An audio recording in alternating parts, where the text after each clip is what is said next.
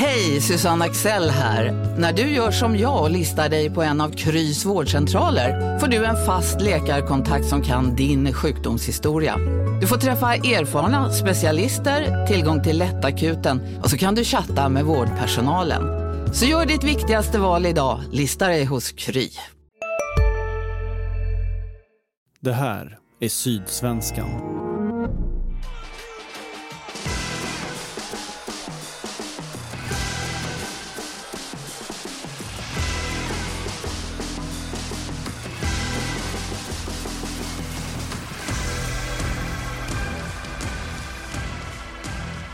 Välkomna tillbaka till MFF-podden. Det här är avsnitt nummer 287. Jag heter Fredrik Hedenskog. Jag har digitalt sällskap av Max Wiman och Fredrik Lindstrand. Hej hej! Hallå, hej, hallå! Eh, det är så här att jag är hemma med två barn som inte är tillräckligt friska för att gå till skolan, men absolut tillräckligt friska för att väsnas lite, om det är så att ljud skulle uppstå alltså. Eh, Hörrni, I förra veckan så gav vi oss ut på otrampade stigar genom att testa glaset är halvfullt-tesen fullt ut. Sedan dess så har MFF spelat och förlorat hemma mot Häcken. Och det där glaset det är nu tre fjärdedels tomt med flisor i kanten och sprickor i glaset. Eh, hur reagerar MFF-supportrar då, kan man fråga sig att döma av en del reaktioner i min omgivning och på sociala medier så är det lika bra att utropa undantagstillstånd och trycka panikknappen i botten. Därför så ska vi ta oss igenom det här programmet genom att granska några av de åsikter som luftats på olika håll och kanter de senaste dagarna.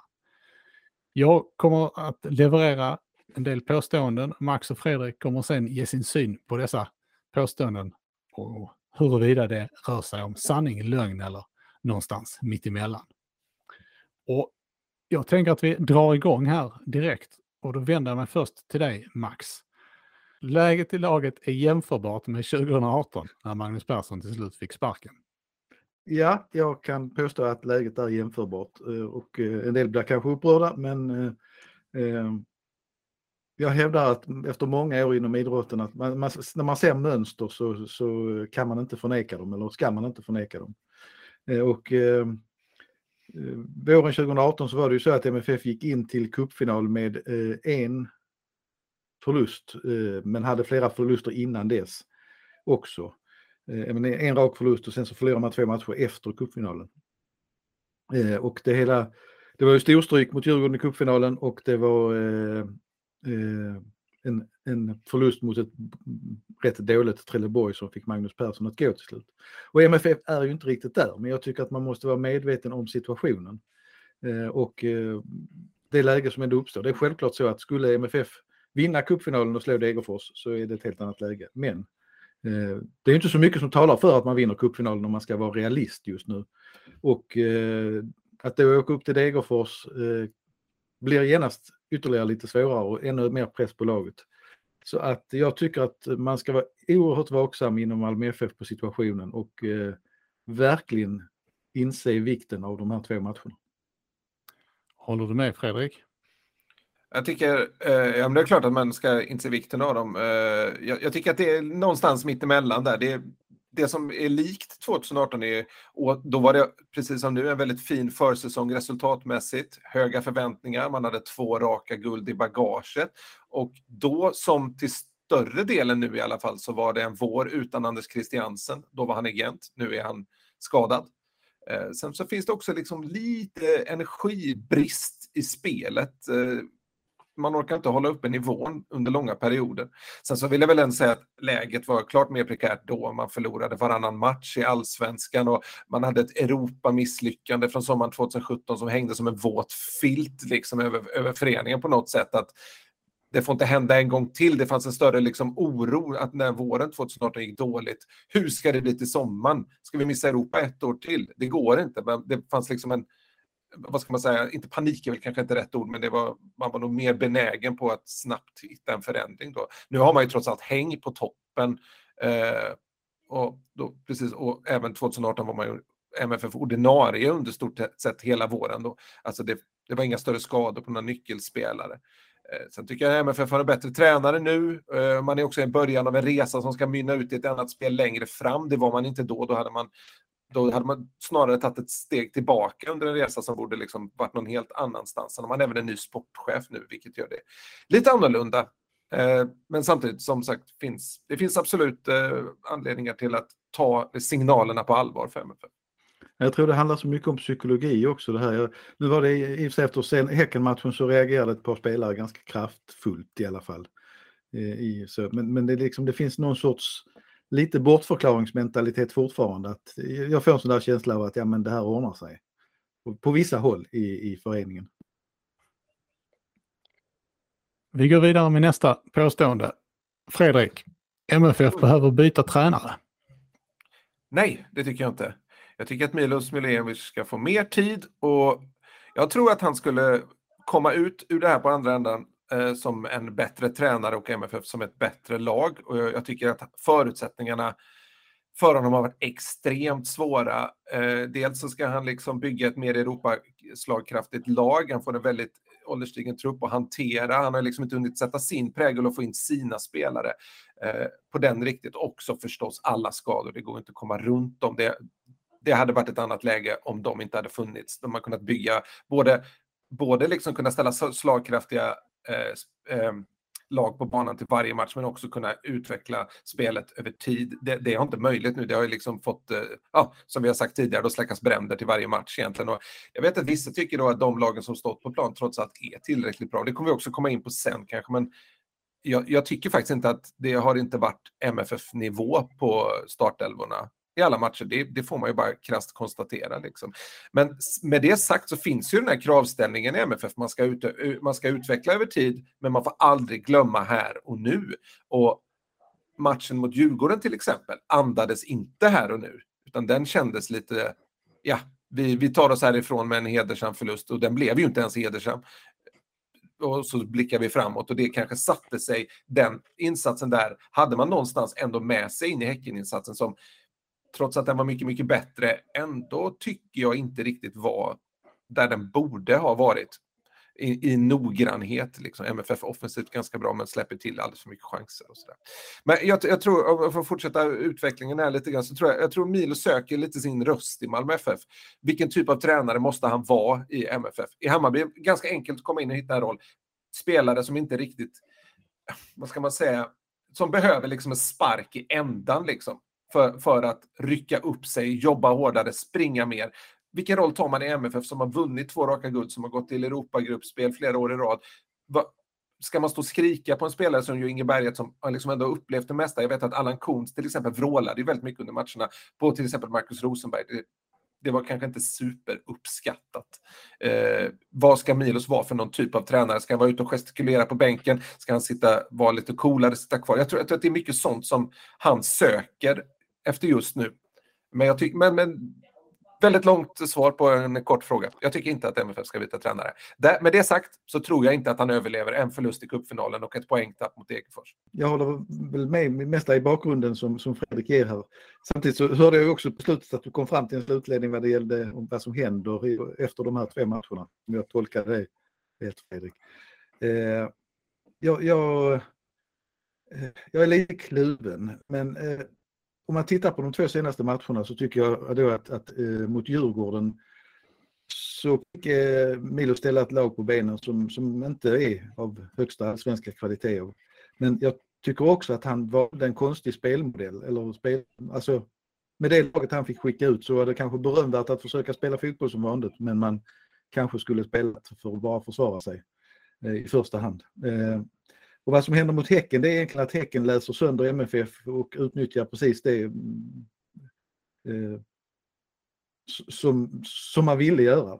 Högmo var väldigt tydlig med det efter matchen. Och, eh, de lyckades exakt med det de ville. Och det är ju också egentligen ett misslyckande på sitt sätt för, för tränaren kan jag tänka. Så att eh, det finns, tycker jag, frågetecken runt det hela. Eh, jag, jag, jag, har varit väldigt mycket fram och tillbaka under våren och upplever både de positiva och negativa sidorna med, med Milos så att säga verkligen. Och egentligen är det alldeles för kort tid att bedöma någonting men slutligen är det fortfarande att, att skulle MFF få klart stryk med cupfinalen och åka upp till Degerfors och få stryk, då är det ju väldigt, väldigt svårt att ta ett break och börja om utan att göra någon form av förändring eh, för en, en lag och en klubb som Malmö FF. Och det, eh, det som möjligtvis då skulle kunna hålla tillbaka det är ju historien av de senaste åren med väldigt mycket tränarbyten och eh, turbulens faktiskt, trots alla framgångar och guld som man har tagit. Eh, så att jag, jag tycker att eh, om, om Malmö inte vinner de här två matcherna så har man hamnat i en väldigt besvärlig rävsax som är, som är svår att ta sig ur. Men om jag ställer... Ett lite blodrött svar men på, på, en, på en enkel fråga på något sätt. Men jag har också svårt att säga att, han, att, eh, att man inte gör en förändring om, om det inte blir en förändring i resultaten på de här två matcherna. Men eh, eh nu tänkte jag komma med en, eh, något som inte är ett, så mycket ett påstående eh, som mer en eh, ledande fråga. Eh, men, och en liten, inklusive en liten utläggning. Men, men alltså med tanke på det ni säger, måste det inte någon gång finnas utrymme även i Malmö FF för att bygga på sikt i första hand? Om man nu har en sån här säsong där det har gått lite knackigt och man vet att försvara SM-guld är väldigt svårt. Försvara SM-guld två gånger eh, har inte gjorts eh, sedan Göteborg gjorde det på 90-talet. Det, det, finns det inte, skulle det inte finnas läge att eh, nu mer än någonsin innan eh, kunna liksom ta ett mellanår i allsvenskan? Ja, men jag, om jag får börja så tror jag eh, absolut, eh, så är det för alla föreningar att det, det måste man ta. Men eh, signalerna nu är lite allvarligare än ett mellanår tycker jag, även om det inte är långt upp till toppen och vi kan räkna poäng och så vidare. Så tittar vi på resultaten, tittar vi på MFFs utdelning i form av mål och tittar vi på hur försvarsspelet då var väldigt, väldigt bra i början, men har rasat de senaste matcherna och nu var ändå ordinarie mittbackar tillbaka. Så tycker jag det känns som att problematiken sitter djupare än så att, och att om inte MFF får stopp på den här eh, turbulensen eh, så kan det gå rätt fort utåt, utför. Eh, och kan sluta med att eh, det blir ett, ett mellanår väldigt långt ner i tabellen faktiskt. Det låter väldigt hårt men det, det, alltså det, här, det, det här kan vända väldigt fort men det kan också fortsätta en spiral neråt om man inte eh, får stopp nu Eh, då kan du få fortsätta där med nästa påstående, Max. Det blir inte tre raka SM-guld för MFF. Sant. Fredrik?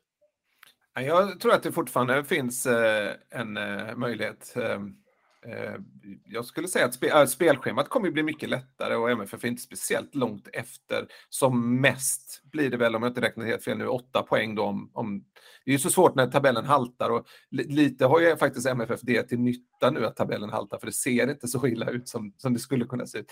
Eh, men om man tittar på var det sommaren 2021 så började radade ju MFF upp eh, segrar där när Johan Dahlin kom tillbaka. Vi var åtta raka segrar under sommaren, något i den stilen. Alltså en liknande, det är inte helt omöjligt att klara av en liknande eh, bedrift denna sommar med tanke på hur spelschemat ser ut. Det är inte naiv, så att säga, det finns väl inga lätta matcher i Allsvenskan, men det är ju ändå, det är, det är ju trots allt lättare att möta Degerfors borta än att möta AIK borta, det kan man ju konstatera. Eh, det, med det sagt så liksom det rent statistiskt finns en möjlighet, absolut, eh, som är fortfarande skapligt god. Eh, man har råd att tappa poäng i ett snitt sådär 11 matcher eh, i allsvenskan om man vill vinna titeln. Eh, där är MFF inte uppe än, men marginalerna krymper för varje match. Och så finns det, det, men det stora är att det finns ju inte så många delar i spelet som direkt andas guld just nu. Och det kan man ju titta på spelet även innan skadorna.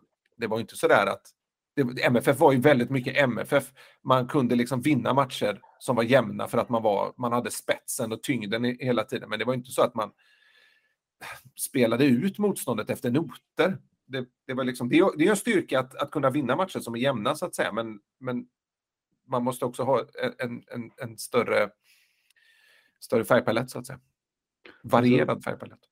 Eh, för att utveckla mitt då nu, liksom också så tänka på ett par, tre olika saker. Alltså, dels är det ju det som Fredrik är inne på nu, alltså statistik och, och spelprogram och allt sånt här är sin sak, men om, om man tittar på hur det ser ut så är det ju ingenting som, som talar för att Malmö FF är en guldkandidat på allvar till hösten.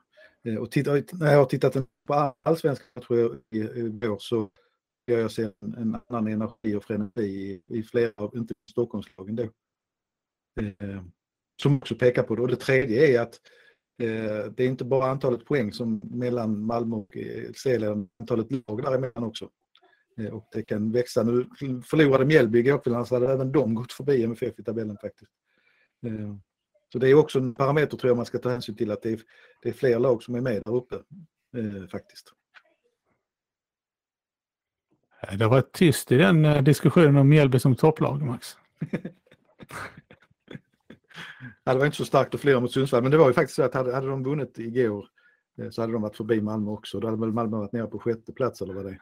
Eh, så att alltså, det, det, är, det är skillnad på mellanår och mellanår. Men jag, just det där att förvänta sig att MFF ska vinna guld varje år, det, det tycker jag är en fullständigt orealistisk eh, tanke. Och det är ingen bra tanke heller, för jag tror inte det skulle vara bra varken för Malmö eller för fotbollen i Sverige. Ja, men det finns ju mellanår och mellanår och det är ju lite det som Max är inne på också. Det att, det, att ha ett mellanår om man väldigt tydligt bestämmer sig för att satsa ungt. Vi, vi gör om åldersstrukturen helt på truppen. Vi tar ett arbetsår här, eh, vi har fortfarande kvar några tyngd, men vi satsar på de här och de här och de här som är yngre. Men att, att egentligen inte göra så mycket förändringar och bara bli lite sämre till nästa år, det är ju inte ett mellanår som egentligen ger någonting, för då, kräver man, då krävs ju nästan ännu ett mellanår efter det, där man ska stöpa om truppen igen. Så ja, just den här typen av mellanår, om det ska fortsätta så här, så ger ju inte det något på sikt.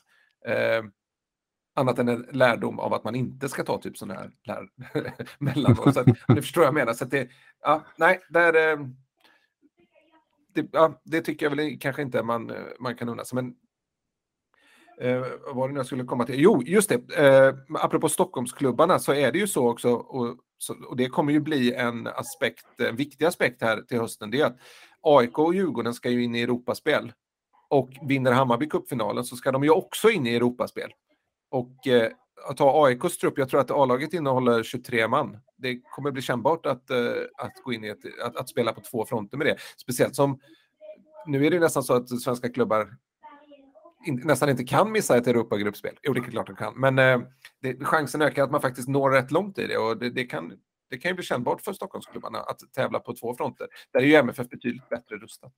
Jag skulle säga det, det, det hjälpte ju inte med den här nya ligan i förra året utan de svenska lagen lyckades ju åka ut under sommaren ändå så att... Eh, ja, de, kom ju, de kom ju närmare ändå. Ja, en Hammarby var en, höst en, en Hammarby var en straffförlust ifrån. Så det. Ja.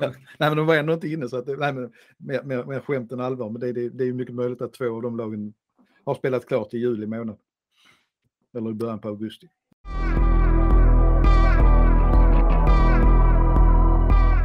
Fredrik. Mm. Klubbledningen måste lätta på plånboken och värva ungt och hungrigt. Eh, jag skulle snarare säga att man vill eh, ska handla i mellanskiktet. Eh, spelare mellan 24 till 28. Någonstans där, vilket ju är det absolut svåraste att hitta eh, till ett bra pris. Och... I förhållande till hur en trupp ser ut så är det ju ungt. Ja, det är sant. Under 30 då kan man väl säga. Jag tycker att, att truppen som den är nu är ju fortsatt tunn med de här skadorna som är och, och det är bara att titta på, det är bara att titta på matchen eh, mot Häcken egentligen. Man tappar ju, när man får sin reducering så tappar man ju, man ju momentum där. Eh, och det har man ju sett i flera matcher tycker jag när MFF byter in Sergio Nanasi. De är ju unga spelare som, eh, som tyvärr inte riktigt lyfter laget och bortsett från Nanasi så är de ju faktiskt inte speciellt unga heller. Jag tyckte det var liksom lite slående när man såg den här matchen. Det blir rätt lätt så att man bedömer en, en prestation i en match och så blåser man upp en spelare till varför har de inte honom. Men jag tycker ändå det säger någonting med, med Uddenäs då, som ändå är fostrad i MFF, som flyttade till Italien, vände tillbaka till Värnamo, där Robin Astrid var hans tränare och gör en jättebra säsong i Superettan och kontraktet går ut. Och det här är alltså, där, i det läget så finns ju MFF som alternativ. Alltså Uddenäs har ju dessutom Marcus Rosenberg som, som agent så jag kan ju tänka mig att alltså, det har ju säkert förts på någon slags eh, hypotetisk nivå. Vad, händer, vad gör vi om MFF ringer?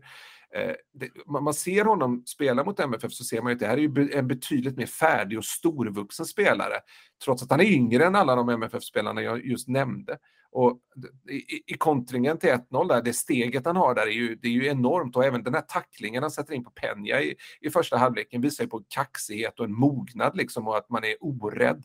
Eh, typiskt sådana egenskaper som MFF brukar vilja efterlysa hos sina ungdomar och som man kan till exempel se hos Hugo Larsson då, eh, denna 17-åring.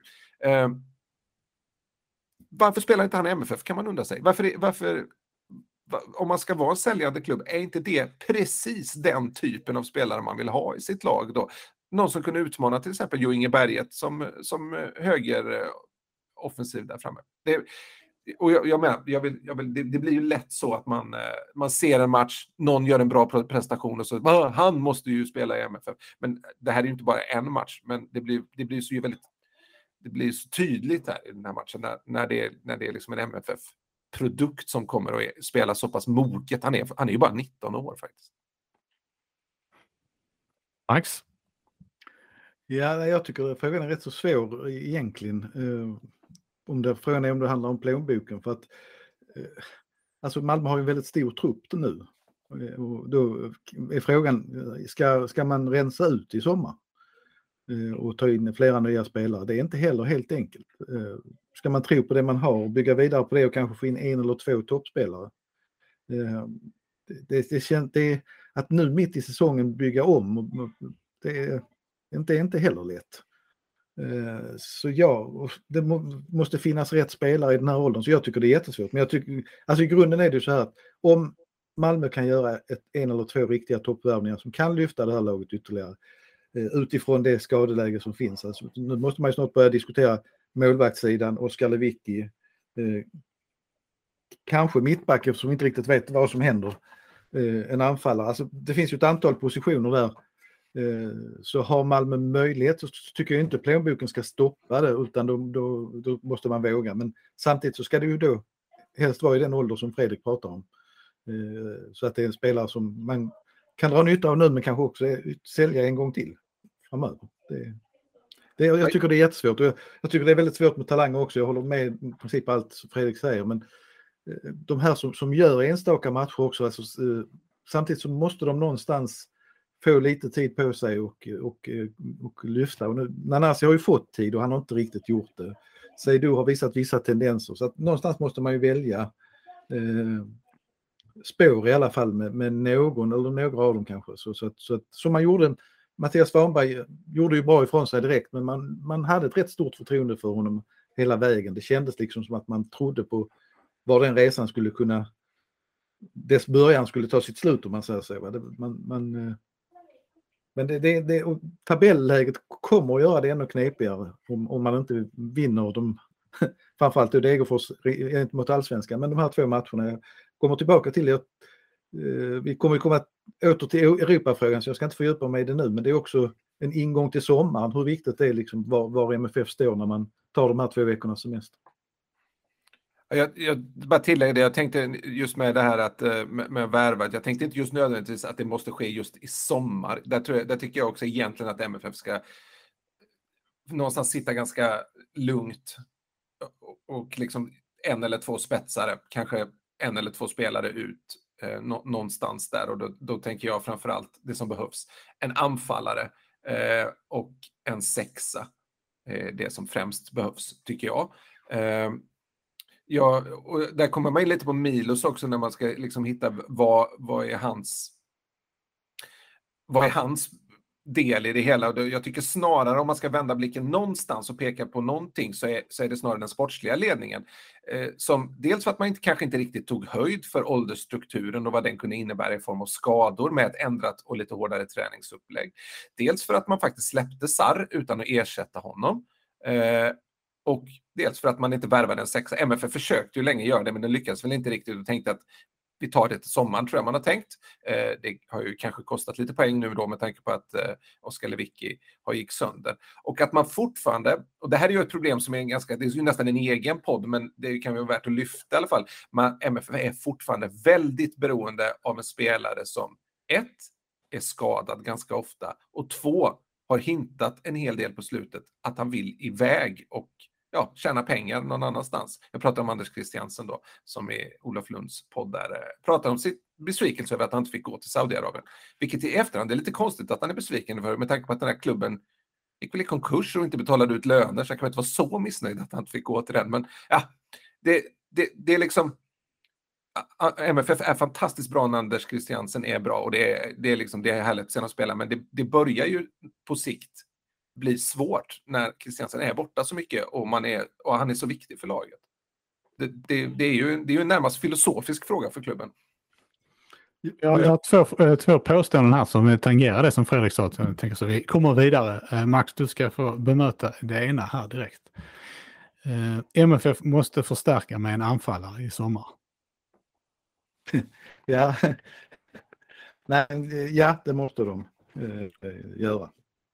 Eh, det, det, är en haltande trupp och beroende av ett visst sätt att spela och de behöver en, en, ja, en anfallare.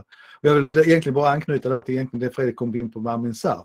Just det här hur svårt det är för att jag var nog en av de som tänkte att men det, det händer inte mycket runt honom. Och det var väl bra att de lånade ut honom till Mjällby ungefär. Men, men läget hade kanske varit annorlunda. Han hade förmodligen försvunnit ut i Europa ändå. Men, men om, om han hade fått ytterligare chans att spela in sig verkligen i Malmö FF så hade kanske läget varit ett annat för honom. Jag vet inte, men, men eh, hans utveckling där nere säger ju en del om hur snabbt det kan gå. Faktiskt. Han har gjort väldigt många fina mål där nere på året i alla fall. Men eh, för det akuta läget då har vi nu Isak Kiese nu ska man inte döma efter en match igen, men hans insats mot Häcken var ju inte vass, om man uttrycker det så. Han är ju en, en, en speciell typ av forward som jag tycker är jätteviktig i Malmö FF, men det behövs en eh, snabb djupledslöpande målskytt i det här laget. Marcus Rosenberg, en Antonsson i formen. Vi är specialister på det vi gör, precis som du. Därför försäkrar vi på Swedea bara småföretag, som ditt. För oss är små företag alltid större än stora och vår företagsförsäkring anpassar sig helt efter firmans förutsättningar. Gå in på swedea.se företag och jämför själv. Hej, Synoptik här. Hos oss får du hjälp med att ta hand om din ögonhälsa. Med vår synundersökning kan vi upptäcka både synförändringar och tecken på vanliga ögonsjukdomar. Boka tid på synoptik.se. Jag vet inte. Nästan så jag skulle nämna Vidar Hjartansson också, men det ska jag inte göra. Ja, men blir, Nej, men... Just, om man hittar det, liksom, har en, vad, vad är han, 21 eh, SAR eller 22, om man 22-årig djupledsspelare, målskytt, rivig, snabb, stor. Ja, det, sådana spelare hittar man inte så lätt och därför måste det kännas lite konstigt att MF faktiskt, MFF faktiskt hade en sån spelare. Eh, och som man lät gå. Okej, okay, man fick ju betalt för honom och sådär, men ja, det, det är ju inte lätt att ersätta en sån spelare på, på bara några månader liksom. Och det fanns ju inte riktigt någon i truppen med de kvaliteterna heller. Så det, det har blivit. Dessutom hade ju Sarr faktiskt varit användbar på en kant i, i, emellanåt också om man hade velat det. Det är inte hans eh, bästa position, men det hade gått att använda honom där. Med tanke på alla skador som har funnits. Så, ja, han hade varit användbar. Men det är, det är lätt att säga med facit i hand också, det ska ju sägas.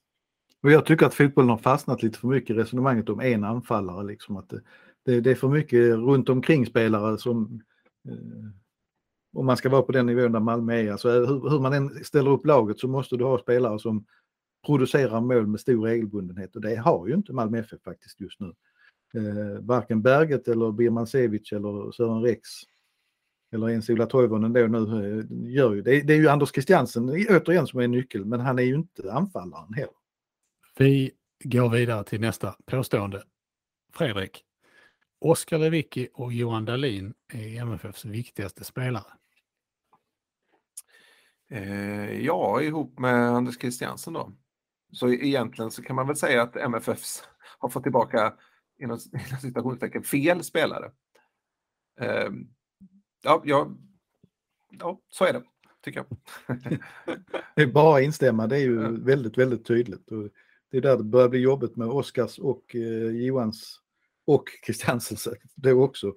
Eh, ständigt återkommande skador, för det spelar ingen roll hur mycket vi försöker prata bort det eller de själva försöker prata bort det. Det här är ju nu ett faktum att så här är det. Ja, och det blir ju ett problem i truppen för man får ju gå runt väldigt mycket på samma spelare och det är ju liksom det, det är ju en missräkning att, att se laget som ska vara Sveriges mest vältränade inte orka med en slutforcering hemma mot Häcken.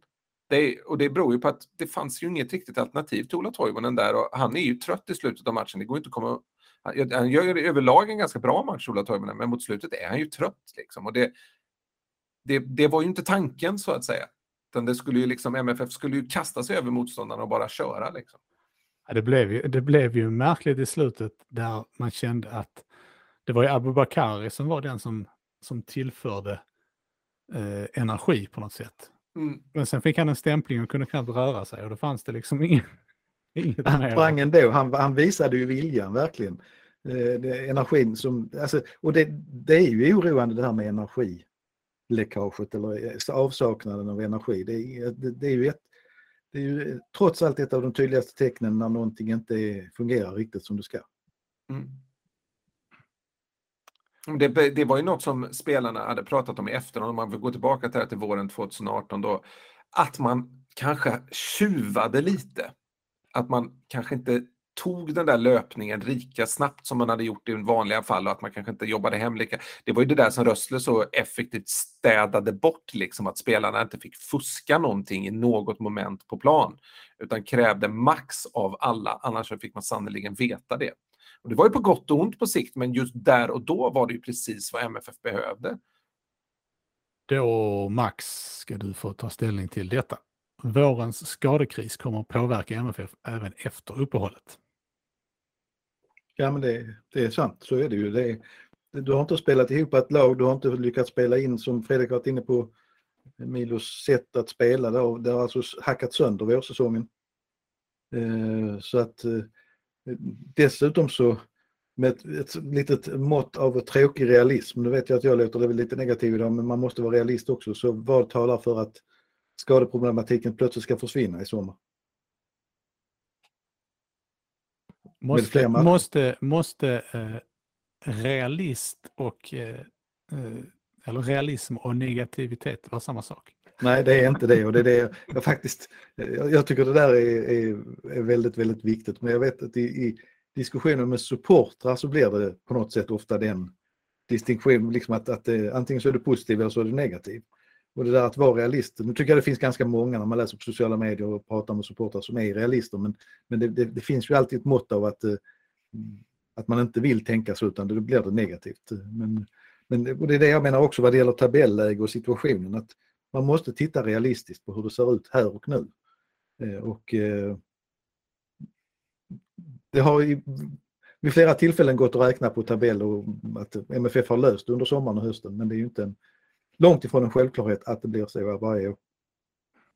Då en anslutande fråga där, Fredrik, eh, eller ett anslutande påstående rättare sagt. Efter uppehållet borde MFF prioritera ner allsvenskan och satsa allt på Europa. Det påståendet tycker jag är falskt. Jag tycker man eh, eh, borde prioritera båda.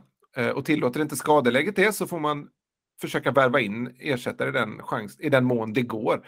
Eh, MFF har en jättechans att nå Europa. Man är sidat in i eh, tredje kvalomgången för första gången. Eh, och det allsvenska spelschemat bjuder in till trepoängare så att säga. Och eh, jag tycker liksom att MFF ska låta liksom rida på någon slags fram, försöka hitta en framgångsvåg som man rider på och verkligen bara ösa på här under sommaren. Eh, för det är nu tåget går, liksom. man har inte råd att, att prioritera ner allsvenskan och satsa på Europa utan snarare låta dem liksom, göda sig av varandra. Men Max, om skadeläget, eh, eller läget i övrigt i truppen skulle kräva att man prioriterar det ena före det andra, vad ska man då prioritera? Ja, jag ser nog med samma envishet som Fredrik att man kan inte prioritera ner någon av de här. Eh, däremot får man kanske vara realist att man inte kommer att vinna allsvenskan utan att det är ett eh, Europamål även där under hösten. Men det är, det är för tidigt att prata om det nu naturligtvis. Men jag tittade snabbt på spelprogrammet här efter, om jag läste rätt här nu, nu är det ju Degerfors, sen är det uppehåll, alltså sen spelar inte MFF nästa allsvenska match från den 27 juni. Och då är det derby mot Helsingborg hemma. Eh, ganska snabbt därefter är det Europaspel. Och då trycker jag bara igen på att alltså det, det, den sportsliga ledningen och Milos måste mata in i MFF nu är i spelartruppen är vikten av de två matcher som återstår. Att liksom nu går det inte, den energi vi pratar om och allt det här, det, man kan förlora matcher ändå men jag vill, jag vill se ett, ett, ett, ett MFF som, som liksom verkligen, där man hämtar alla krafter och alla verkligen bjuder på all energi man har. Därför att går man in i, till ett uppehåll igen med, med två förluster här så är startsträckan oerhört kort sen i sommar även om man lägger in någon träningsmatch och det kommer skadade spelare tillbaka. Eh, så att eh, jag tror inte att, eh, heller att MFF kan prioritera bort någon av tävlingarna. Framförallt kan man inte, med, med, med tanke på just det här med Alltså det är ju så att möjligheten har ju aldrig varit större att gå in i ett gruppspel. That's it. Det kan ju räcka med två segrar i princip. Eh, så eh, absolut måste Malmö satsa på Europa också i sommar. Jag tror att det är, ett stort ansvar på Milos och de ledande figurerna i truppen här att gilla det läget också. Att liksom känna att nu ska vi spela mycket matcher här i sommar. Vad roligt det ska bli. Det finns inget roligare än att spela viktiga matcher med liksom där, där nästan är som finalmatcher, även de allsvenska matcherna. Eh, och verkligen trycka på att det här, det är nu man får se det riktiga Malmö FF. När det gäller som mest och när vi har liksom ryggen mot väggen, då, det är då vi levererar. Liksom. Att verkligen trycka in den känslan och, och komma ut och bygga en positiv trend i allsvenskan och liksom ta sig vidare från Europa. Och man vet ju av erfarenhet, det behöver inte se snyggt ut. Det var inte vackert mot Riga, men det gav en Champions League-plats i slutändan.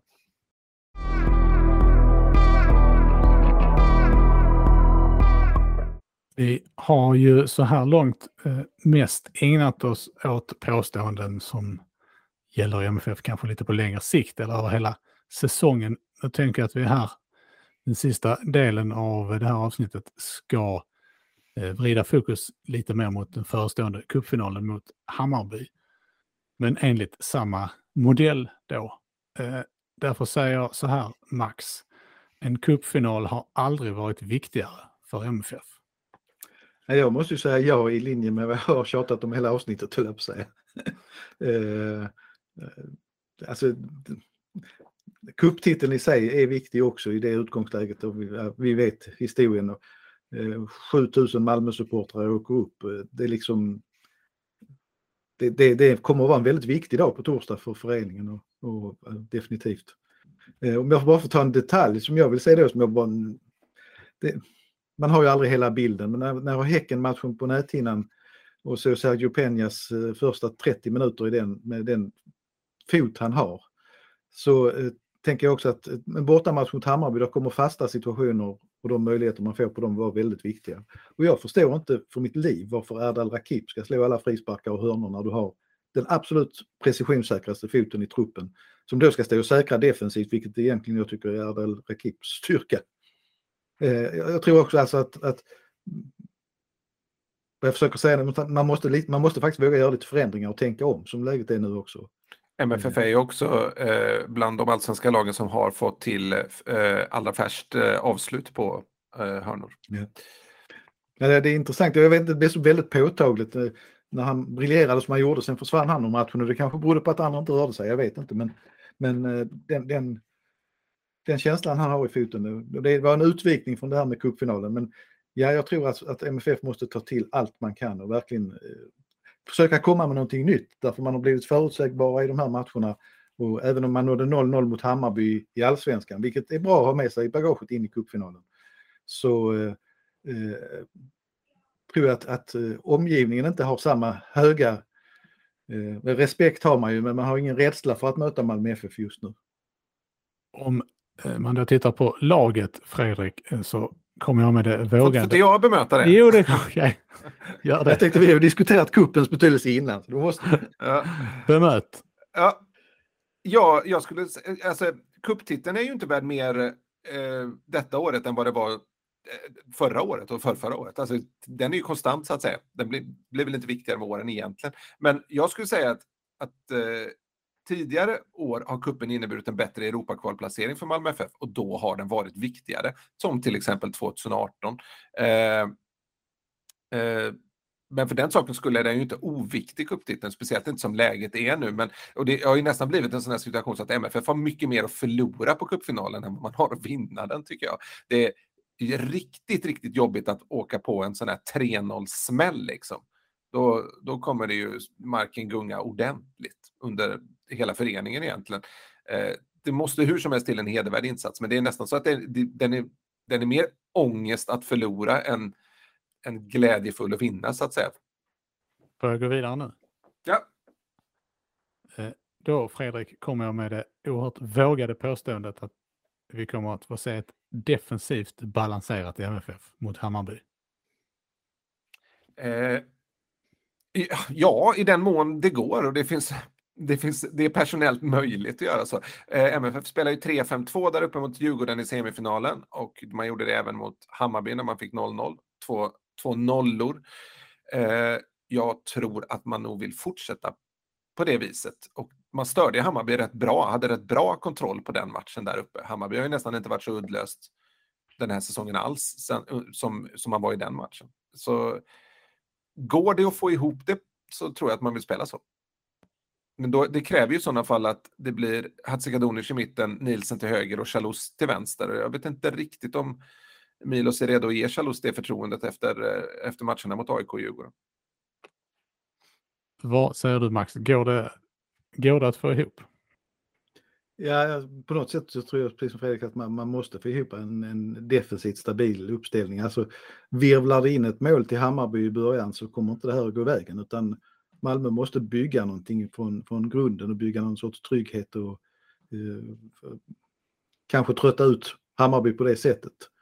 Eh, så att eh, sen om det är en trebackslinje då kanske, jag vet inte om Martin Olsson kunde vara tredje. Eh, det, det, det, är svårt att säga hur de ska ställa upp eftersom vi ännu inte vet heller vilka spelare som faktiskt är tillgängliga på torsdag och vilka sviter det finns efter, efter matchen i, mot Häcken. Men eh, alltså att, att, att det ska vara ett defensivt balanserat lag tycker jag är en given förutsättning i det här läget.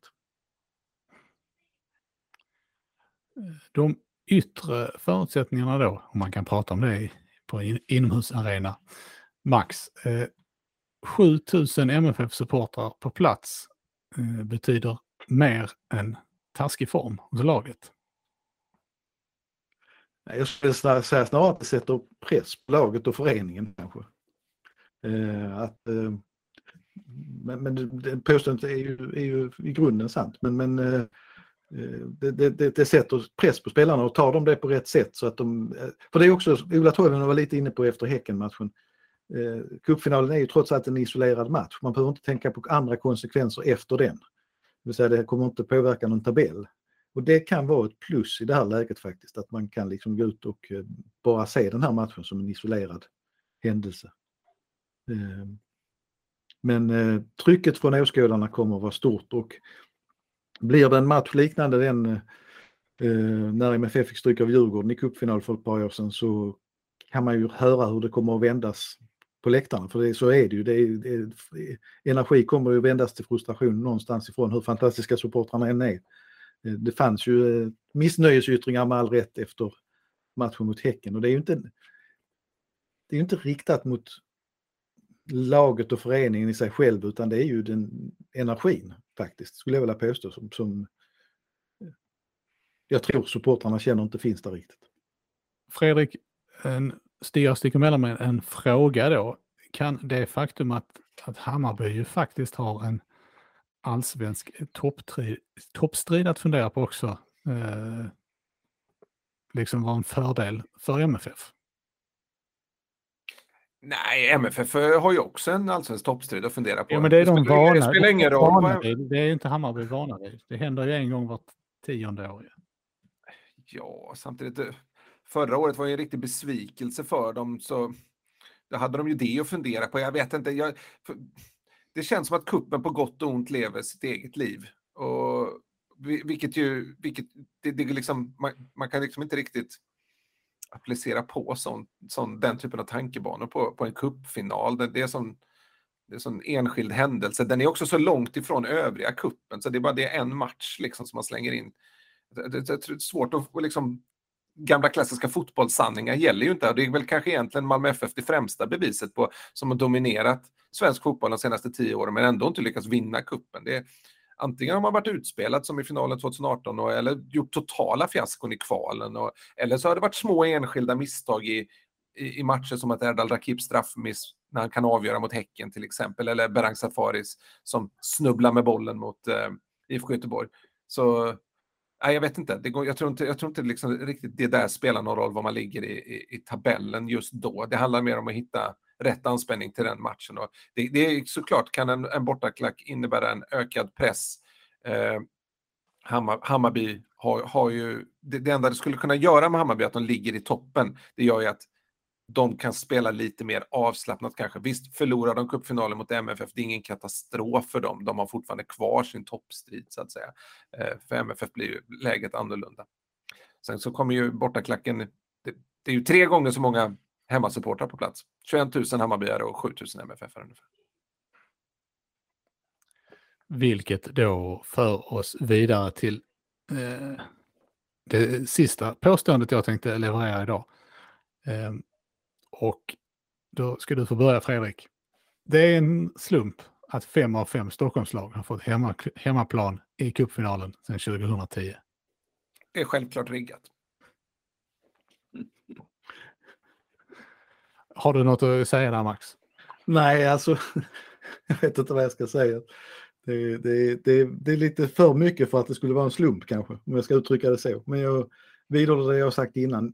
Cupfinaler ska inte spelas på plast och eh, borde spelas på neutral plan faktiskt. Eh, eh, om, om vi inte kommer dit hen eh, som Norge har gjort där man kan ha en nationalarena som, som liksom blir en folkfest och då skulle det ju vara Friends som var alternativet så att säga. Men jag tror inte vi är där riktigt utan då tror jag man måste hitta en annan modell för det här. Eh, och att eh, det ska, det ska inte avgöras på plast helt enkelt.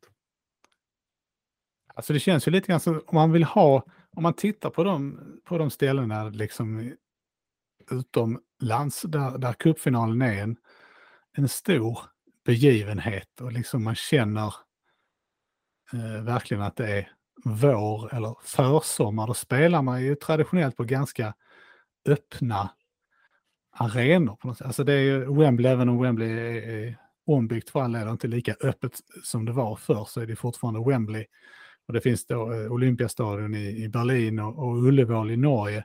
Friends är ju inte den typen av arena rent liksom arkitektoniskt så att säga.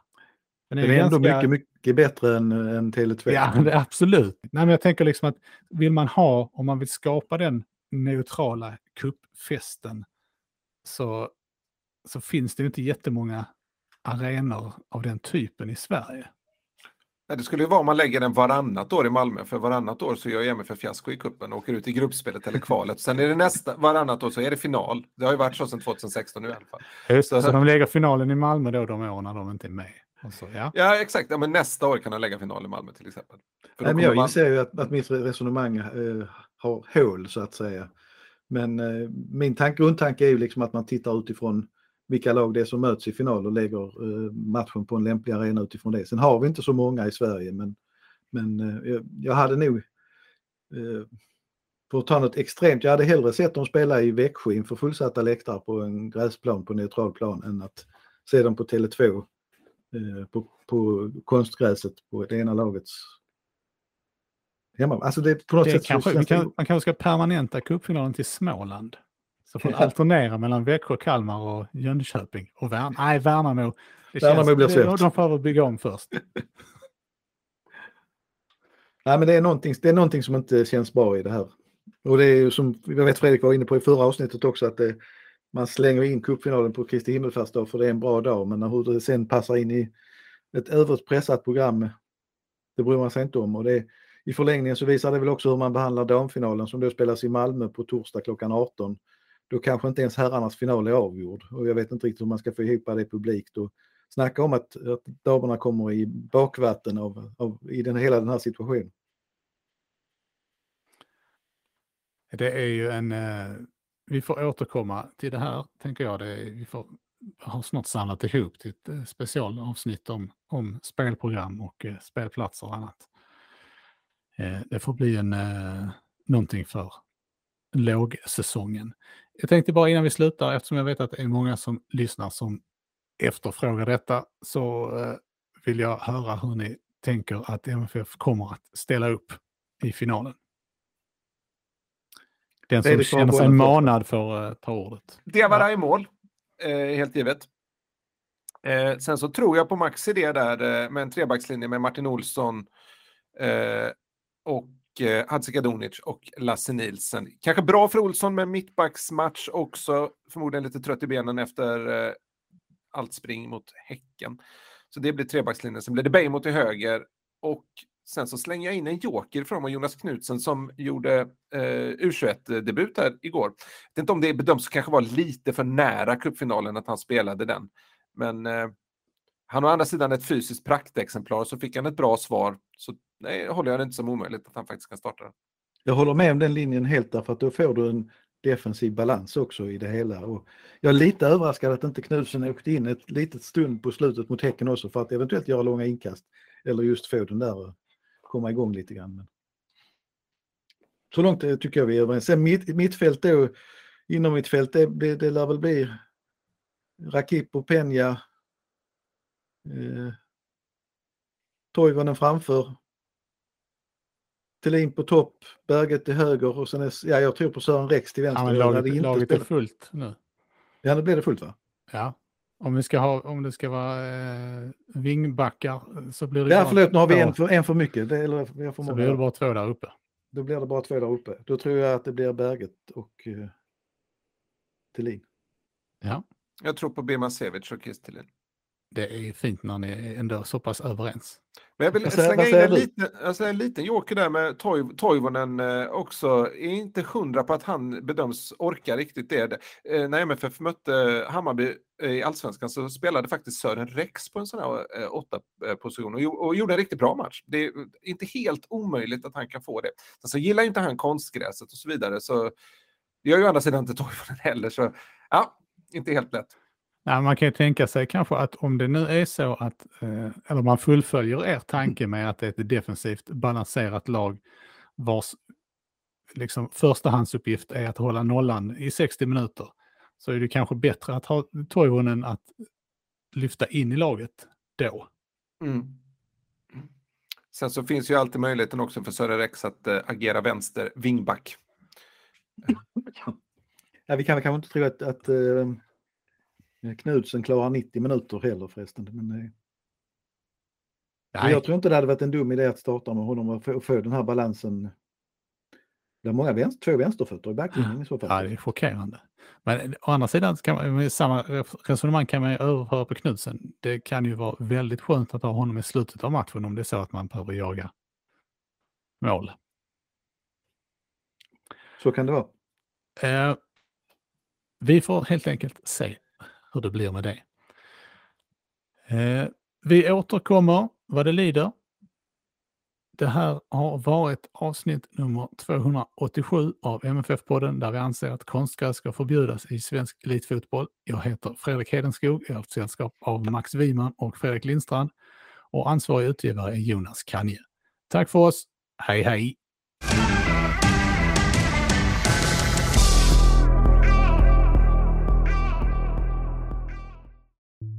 Bara smäller. Alltså säkert 10, 15, kanske 20 skott. Vilka är det som skjuter i Malmö? På ena sidan finns en man vi kan kalla för brodern. På den andra sidan finns en man vi kan kalla för boxaren. Och varför kan en konstgjord dansk ö förstöra Öresund? Det här måste bara stoppa. I nyhetspodden Du lyssnar på Sydsvenskan djupdyker vi två gånger i veckan i det viktigaste och mest spännande som händer i Skåne och världen just nu. Följ Du lyssnar på Sydsvenskan. Välkommen till Maccafé på utvalda McDonalds restauranger med Baristakaffe till rimligt pris. Vad sägs om en latte eller cappuccino för bara 35 kronor? Alltid gjorda av våra utbildade baristor. En nyhet. Nu kan du teckna livförsäkring hos Trygg-Hansa. Den ger dina nära ersättning som kan användas på det sätt som hjälper bäst. En försäkring för dig och till de som älskar dig. Läs mer och teckna på trygghansa.se. Trygg Hansa. Trygghet för livet.